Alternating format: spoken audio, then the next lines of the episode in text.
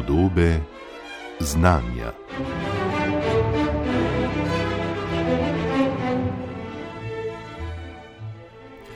France Preširen je nedvomno osrednja figura slovenskega literarnega kanona, ki po svoji teži pri nas nima prave konkurence. Njegovo pesnenje v tako rekoč vseh tedaj poznanih, tudi najbolj zapletenih pesenskih in verznih oblikah je slovenski jezik, do tedaj večji del v uporabi v bolj vsakdanjih pogovornih legah, razkrilo kot jezikovno sredstvo, ki je kos tudi najzahtevnejšim literarnim nalogam. S tem pa je tudi odprlo pot, da se govorci slovenskega jezika začutimo kot povsem upravičeno enakovredni govorcem drugih, pogosto mnogo večjih jezikov. Še več. Naslanjanje na preširnovega pesniškega genija je služilo kot ključno sredstvo za nacionalno formiranje in samorazumevanje v drugi polovici 19. stoletja in še v 20. Podrobnejši pogled razkriva, da takšna interpretacija umetnikove družbene vloge nikakor ni zgolj slovenska posebnost. Primerjalne literarne študije razkrivajo številne, včasih prav presenetljive usporednice pri vzpostavljanju različnih narodov, predvsem na tako imenovani evropski periferiji. To nazorno potrjuje tudi v angleščini napisana znanstvena monografija Great Immortality, torej Velika nesmrtnost v slovenskem prevodu, s podnaslovom Študije o evropskem kulturnem svetništvu, ki je letos prejela sploh prvikrat podeljeno nagrado Evropskega društva za primerjalno književnost za odličnost pri skupinskem raziskovanju.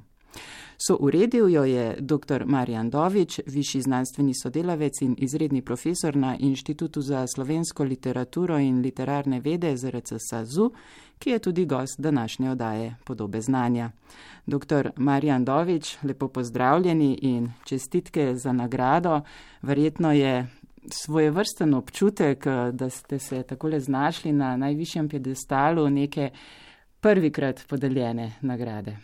Ja, dober dan, uh, hvala lepa za povabilo.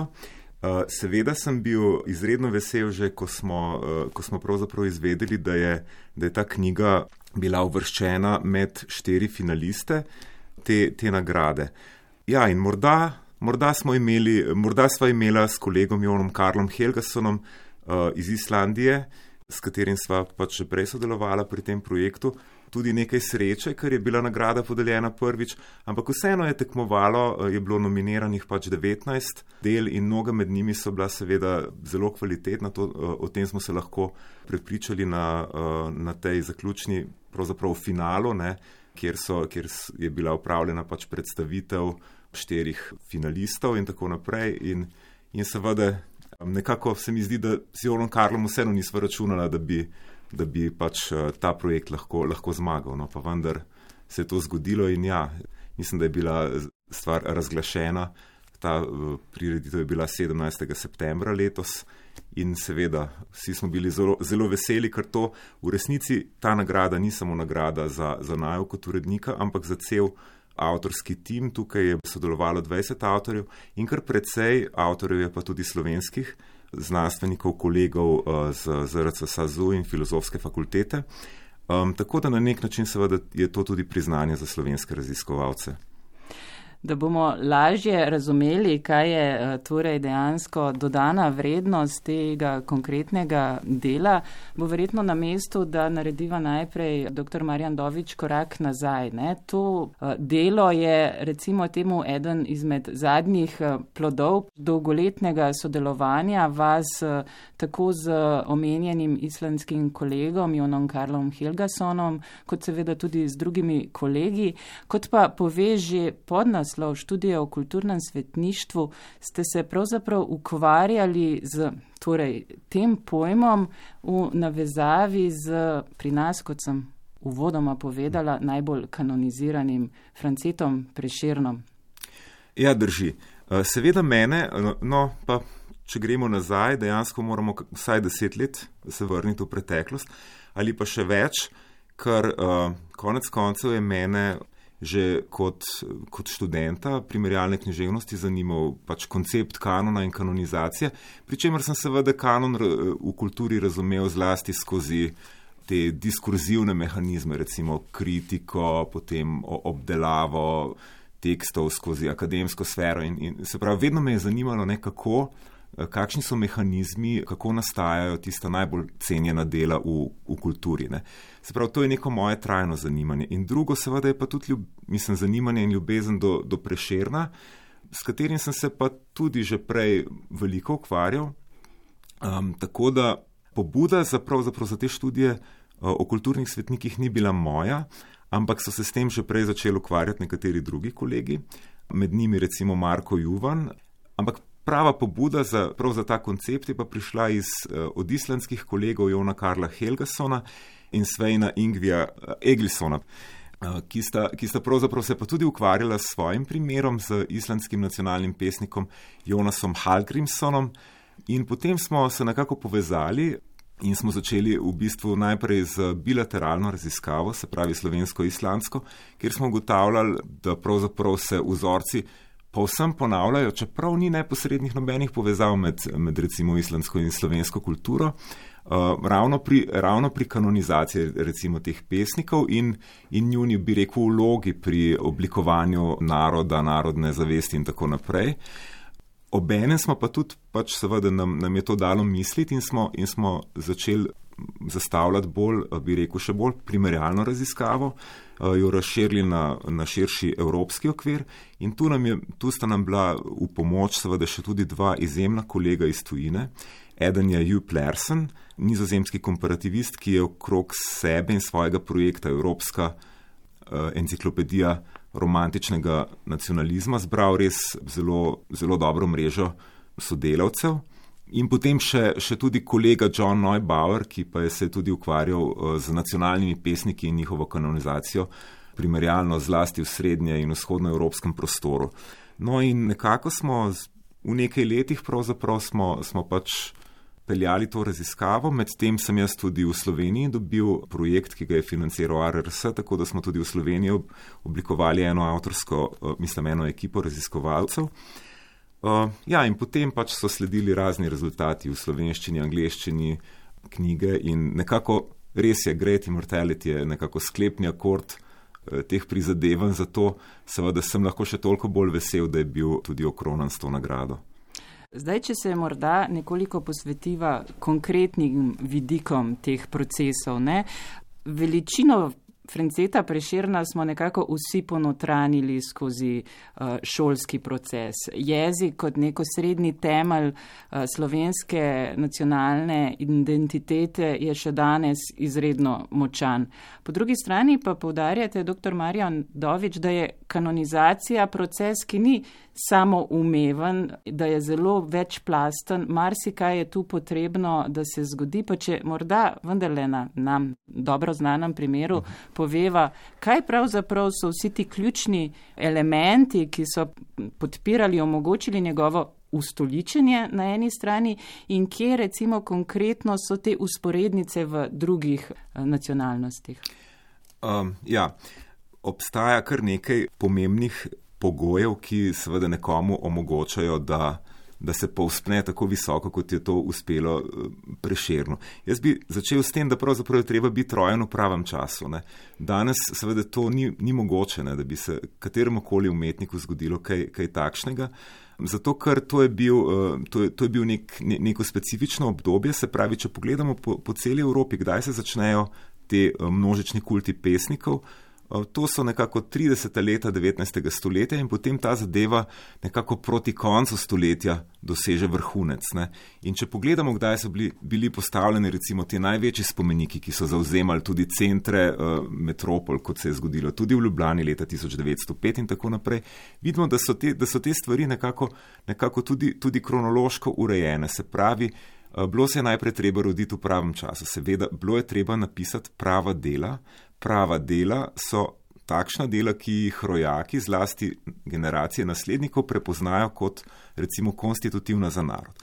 Tukaj moram povedati, da je nekaj zelo zanimivega. Če primerjamo po vsebinski plati tekste recimo pomembnih pesnikov ali pa pesnikov, ki dejansko jih imenujejo nacionalni pesniki, ne? ker ta izraz nacionalni pesnik seveda ni samo v Sloveniji, ampak je mrsikje še druge, skoraj po celi Evropi imamo primere posameznih in edinstvenih pesnikov, ki jih imenujejo nacionalni pesniki. Eh, torej, da se vrnem. Generacije pač za, že seveda že sodobniki, ampak zlasti potem po smrti, morajo te pesmi pre, prepoznati kot nekaj posebnega, ampak te pesmi niso nujno vedno, recimo, v ožjem smislu nacionalistične. Recimo, preširno primer je v tem pogledu zelo zanimiv, namreč ni šlo za to, da bi Preširen pisal najbolj nacionalistično poezijo, seveda, če pogledamo že njegove sodobnike, Koseskega, je, bil v tem pogledu dosti bolj odkrito, recimo nacionalističen, lahko Koseski in še kakšen drugi pesnik, ampak pravzaprav je. So ga zlasti mladoslovenci, ne, uh, Jurčič, Levstik in Striter, prepoznali kot izredno kvalitetnega. Ne. Se pravi, zamisel, da je preširen tako kvaliteten, kot so recimo za Nemce uh, Goethe in Schiller, uh, za Italijane uh, Dante in tako dalje. Da je preširen za, za slovence to po kakovostni plati, je bila tista ideja, ki se potem skozi 150 let preširnove kanonizacije vse čas ponavlja in pravzaprav je še, je še danes nekako, nekako usidrana v našo zavest. Verjetno ta kakovost velja tudi za druge nacionalne pesnike po Evropi. Vsekakor jih razumejo, uh, jih, jih razumejo kot, neko vstop, mislim, kot neko vstopnico v, v, v galerijo kultiviranih narodov. Čeprav pri nas je to mogoče še nekoliko bolj potencirano. Ne. Pri nekaterih drugih nacionalnih pesnikih so, so kakšni drugi poudarki. Nekateri so, mislim, imamo celo nekaj primerov, ko so bili vključeni v oborožen odpor in so, so, so celo umrli, tako da so pravzaprav neke vrste nacionalni močenci postali in tako naprej. Ne. Preširanje pa Prešeren je pa pravzaprav eh, primer nacionalnega pesnika, ki je, ki je postal nacionalni s tem, da je pisal pretežno ljubezensko poezijo, kar je, eh, kar je po svoje nekaj, eh, seveda nekaj posebnega. Ne. Ampak, ne, ko, pa enkrat, ko je pa enkrat te pesnike zagrabila mašinerija, se pravi mašinerija kanonizacije, če temu tako rečemo, potem so se pa dogajale povsem identične stvari. Naprimer, uh, naprimer omenil sem gradnjo spomenikov. Sedaj imamo velike spomenike, postavljale so se table, spominske table, vsi kraji, praktično, ki se jih je dotaknila pesnikova noga, da nekoliko karikiram, so skoraj dobili table, spominske table, se pravi, gre za označevanje pokrajine. Ne. To je en vidik. Potem pozneje tudi poimenovanje ulic in tako dalje. Ampak kar je bilo pa zlasti zanimivo v 19. stoletju, so pa rituali. In rituali so bili običajno osredotočeni na pomembne dni, včasih, smo, včasih lahko, lahko govorimo kar o, o dnevu nacionalnega pesnika, tako kot pri nas, in pač druge dogodke, druge komemoracije, še zlasti ob desetletnicah, stoletnicah, kjer so se pa zbirale velike uh, skupine ljudi, so se pripravljale proslave. In, in recimo zanimivo je to, ne, da do neke mere so recimo te. Te komemorativni dogodki v 19.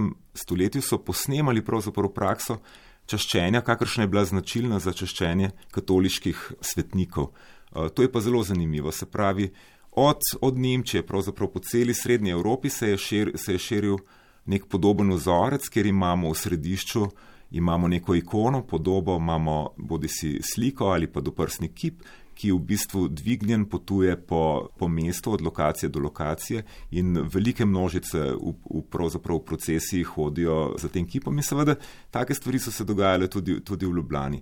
In to so neke, neke zadeve, ki seveda pa se nam danes morda zdijo nenavadne, ampak pač, pač tako je bilo, ne, da so recimo ob otvoritvah teh velikih spomenikov ljudje dobesedno tudi padali v nezavest od, od uh, ekstatičnega navdušenja. Torej, verjetno je ta koncept eh, kulturnega svetnika, vsekakor se zdi zelo zanimiv, ploden eh, način na gledanje, na razumevanje in premišljevanje o teh uh, fenomenih. Kje pa so torej tiste morda ključne ločnice uh, med religijskim in uh, torej sekularnim kulturnim svetništvom, ker vendarle verjetno obstajajo neke zelo značilne razlike? Seveda, ne, seveda obstajajo. Ne. Recimo, res je, res je to, ne, da če gremo, če gremo gledati, kaj se je dogajalo recimo s posmrtnimi ostanki ne, velikih umetnikov, ne, seveda tukaj spet lahko iščemo neke usporednice. Namreč, in to je bilo zame veliko presenečenje, ko me je uh, kolega Jon Karlo vprašal, če vem, kaj se je dogajalo recimo s prešernovimi posmrtnimi ostanki, ali so jih kdaj recimo prekopali na drugo pozicijo, ne, kar je bilo značilno seveda za, za svetniške kulte. Sem rekel, ne, jaz mislim, da se to ni nikoli zgodilo. Ne, in potem, mislim, ker enostavno nisem tega vedel, ne, pa se je, seveda, ampak že, že tri leta po, po preširnovi smrti, ko sem mu postavljal na grobnik in tu je, tu je stal zadaj recimo Slasti Blajvas in Slovensko društvo, tipična, tipičen model je bila nabirka, ne, kjer so pravzaprav ljudi pozivali naj patriotsko vlagajo v te projekte. Ne, In uh, mimo grede, to je tudi, tudi eden od razlogov ne, za, za uspeh teh, teh velikih spomenikov, potem pozneje, ne, ker so v bistvu na nek način skušali povabiti celotno nacijo, da postane delničar teh projektov, če, če, če tako rečem. Ampak zdaj se pa vr, vračam k temu vašemu vprašanju uh, o razlikah. Jasno, pri krščanskih svetnikih je ključna zadeva jasno to, da pravzaprav uh, naj bi omogočali direkten kontakt pač z Bogom in da bi lahko recimo tudi delovali s čudeži nazaj in tako naprej. Zdi se mi, da vendarle pri kulturnih svetnikih seveda je to vendarle zgolj, zgolj metafora, se pravi, posnemajo se neke prakse, ne? Uh, ni pa seveda te vere v, najbrž v, v to, da bi preširen lahko uh, vplival uh, vem, nazaj uh, v, v seveda realnost. To, tega najbrž nihče ne pričakuje in mislim, da je, to, da, da je vsaj tukaj ena pomembna ločnica. Ampak zanimivo ne, je pa to, da imamo tudi primere kanoniziranih kulturnih svetnikov, ki so jih potem, uh, recimo zlasti v pravoslavnem svetu, nekatere religije kanonizirali tudi kot verske svetnike. Naprimer? Naprimer, uh, nekaj primerov imamo obdelanih tudi v tej knjigi ne, in Uh, najbolj zanimiv primer je po mojem gruzinski pisatelj in nacionalni uh, in tudi, tudi seveda vodja nacionalnega gibanja Ilija Čovčavadze. Um, Čovčavadze je absolutno bil kanoniziran najprej kot kulturni svetnik, da, da tako rečemo, brez nekih uh, opaznih verskih konotacij pri tej kanonizaciji. Um, no, in leta 1987 ga je pa gruzinska pravoslavna crkva kanonizirala kot pravega svetnika in je postal sveti Ilija pravični. Imamo še nekaj primerov. Ne? Imamo recimo romunskega nacionalnega pesnika Mihaj Eminescu. Uh, Eminescu je prav gotovo kulturni svetnik uh, po statusu na nek način podoben prešerno. Um, tako kot pri mnogih njegovih kolegih, seveda je tudi, tudi pri njemu v, v opusu veliko ugank, bil je nekako kontradiktorna figura in vsekakor ni bil, tako kot prešerno, vsekakor ni bil svetnik, niti približno. Ne. Po, po, po življenju. Tako da verjetno ta kanonizacija ne bo uspela, čeprav je, je, bil, je bila pobuda tudi strani pisateljskega združenja, da ga pravoslavna crkva kanonizira kot svetnika. No, še bolj zapleten je pa primer v naši bližnji soseščini, kjer imamo pa Njegoša. Ne? In o Njegošu je pa, je pa pisal kolega Bojan Baskar, tudi v tem zborniku iz Ljubljanske filozofske fakultete. Pri Njegošu pa imamo pravzaprav poskus kanonizacije, ne, kjer, je, kjer je patriarh Amfilohije Njegoša že razglasil za svetnika. Njegoš je seveda tudi avtor Gorskega venca in tako dalje. Ampak njegov primer je že, že v štartu bolj zapleten, ker je bil hkrati nacionalni pesnik in pa seveda tudi vladar in še crkveni vladar, tako da pri njem se vse te stvari prepletajo. Trenutno sicer ne vem, kakšen je, kakšen je izid tega spopada, ampak, ampak prišla je potem blokada strani Srpske pravoslavne cerkve, tako da trenutno še mislim, da ta status ni povsem razrešen, ali je, ali je njegov svetnik eh, ali ni. Primeri so vsekakor zelo raznoliki, pa vseeno bi vprašala, ali potem ta religijska kanonizacija vpliva kaj na percepcijo tega nacionalnega pesnika, pisatelja, um, kulturnega svetnika. Se kaj ah. spremeni s tem posegom dodatnim? To tež, težko rečem, kakšni so učinki recimo v gruzinskem kulturnem prostoru ali pa. Mislim, pri njegu še je treba to umestiti v, ta, mislim, v, v to trenje ne, med srpsko, črnogorsko, tudi, tudi, tudi, tudi zgodovinsko. Ne. Včasih je bila črnogorska crkva avtokefalna in tako naprej. Ampak re, re, res v, v resnici težko rečem. Ne. Se mi pa zdi, da, da je ta težnja um, Zdi se mi, no, da v resnici so s temi mehanizmi ne, te pesnike postali tako pomembni, tako močni, da bi si jih pravzaprav vsi radi prilastili. In dejansko se pravi tudi, tudi cerkve, recimo v tem primeru pravoslavna. Simbolni kapital.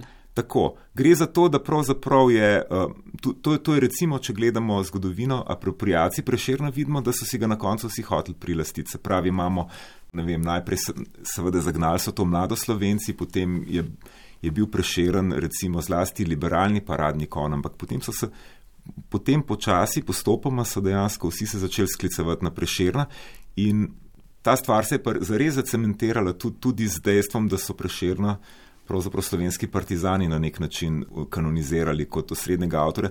In če gledamo recimo primerjalno, ne, vsi nacionalni pesniki v vzhodnji Evropi, čeprav so bili med sabo zelo različni, eni so bili morda bolj naklonjeni, recimo, lahko, uh, mislim, eni so bili bolj primerni no, za to, da jih uh, recimo komunistični režimi posvojijo, ne, nekateri so bili pa precej manj primerni. Prešer ni ravno najbolj, najboljši primer, mislim, s to v bistvu, s tem skrajnim individualizmom in ljubeznijo, pa, pa vendar se je to zgodilo. Ampak to se je zgodilo vsem. Ne. Se pravi, mislim, da je to tudi pomemben razlog, da, da, so, se, da, da, da so se vsi nekako skušali polastiti te, te dediščine.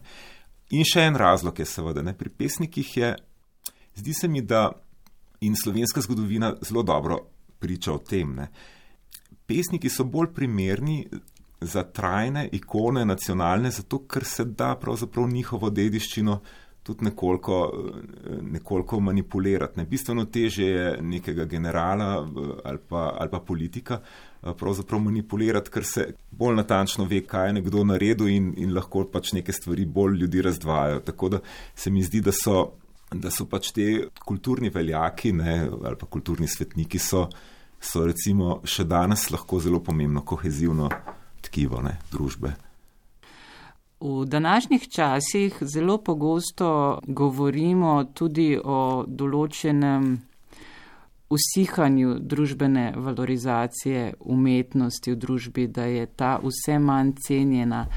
Bi lahko govorili tudi o potencijalnem zatonu um, nacionalnih kulturnih svetnikov oziroma v tem, da bi vendarle njihov sijaj s časoma zaradi spremenjenih družbenih razmer postajal vse manjši, dr. Marjan Dovič.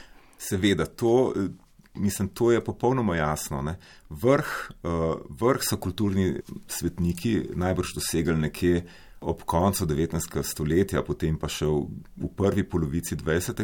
Potem recimo so se te kulti spremenili, ne? Eh, niso imeli več tok teh eh, religioznih obeležij, ne? ki, so, ki so bila pravzaprav tako značilna za, za 19. stoletje in, in so pogosto so tudi nekako okameneli, no? mislim, eh, so bili zelo živahni, pa danes pravzaprav niso, niso več tako izraziti. Ne?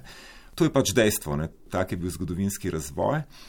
Um, je pa zanimivo, da se lahko v določenih okoliščinah uh, stvari tudi vračajo. Jaz sem bil uh, ravno pred kratkim v Kataloniji, tja sem bil povabljen, ne boste verjeli, na simpozi ob obletnici uh, katalonskega nacionalnega pesnika Jacinta Verdageja.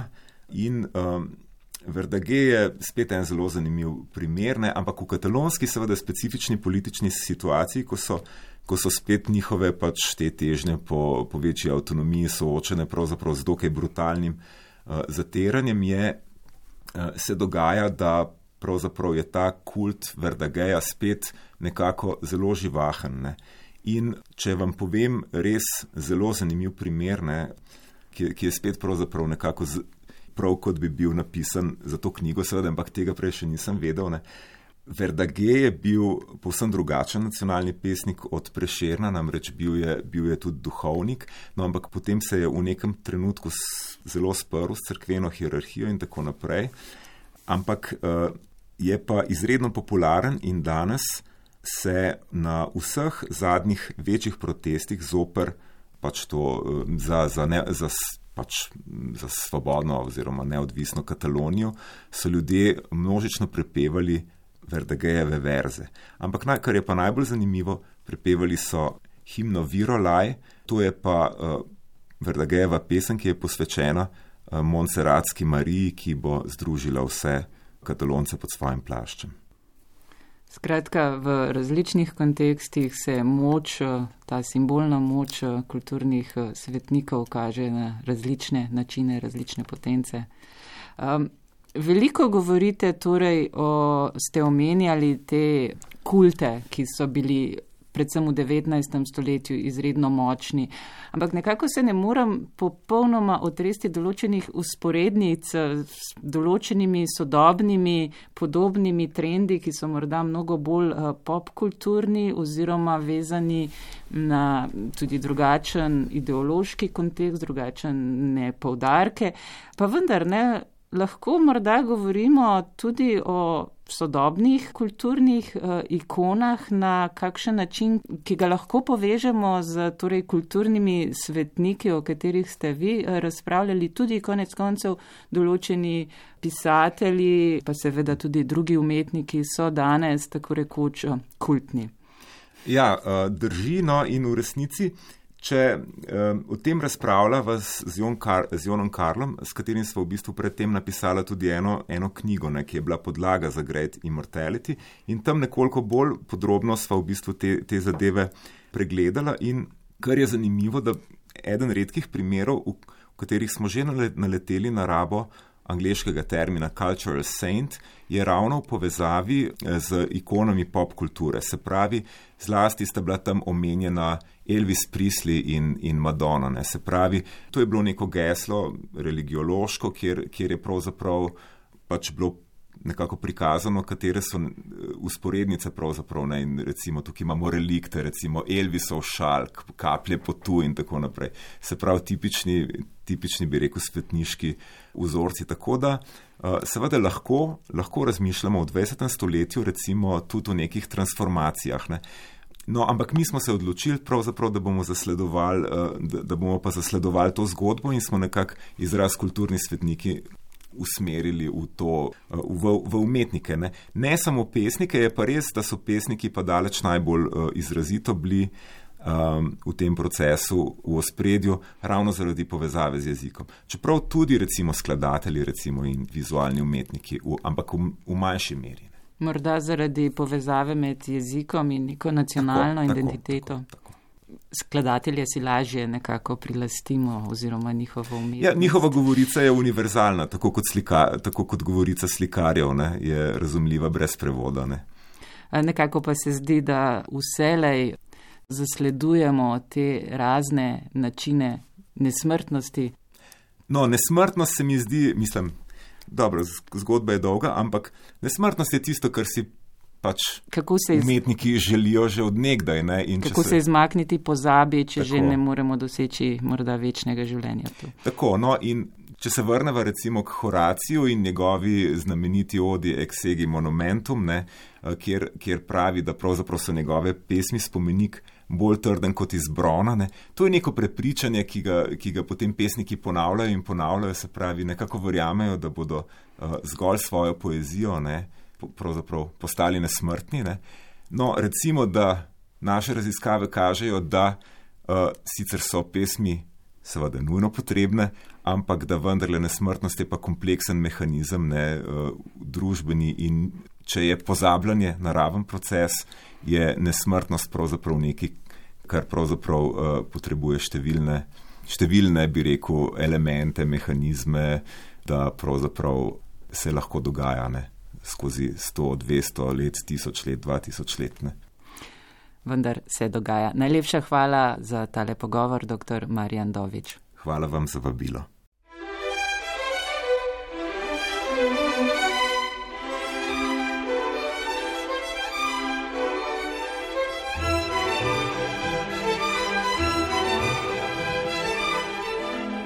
Podobe znanja.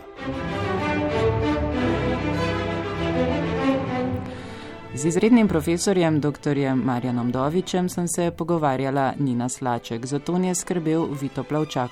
Vabljeni, da oddaji podobe znanja prisluhnete tudi na spletni strani programa Ars ali jo poiščete med podcasti.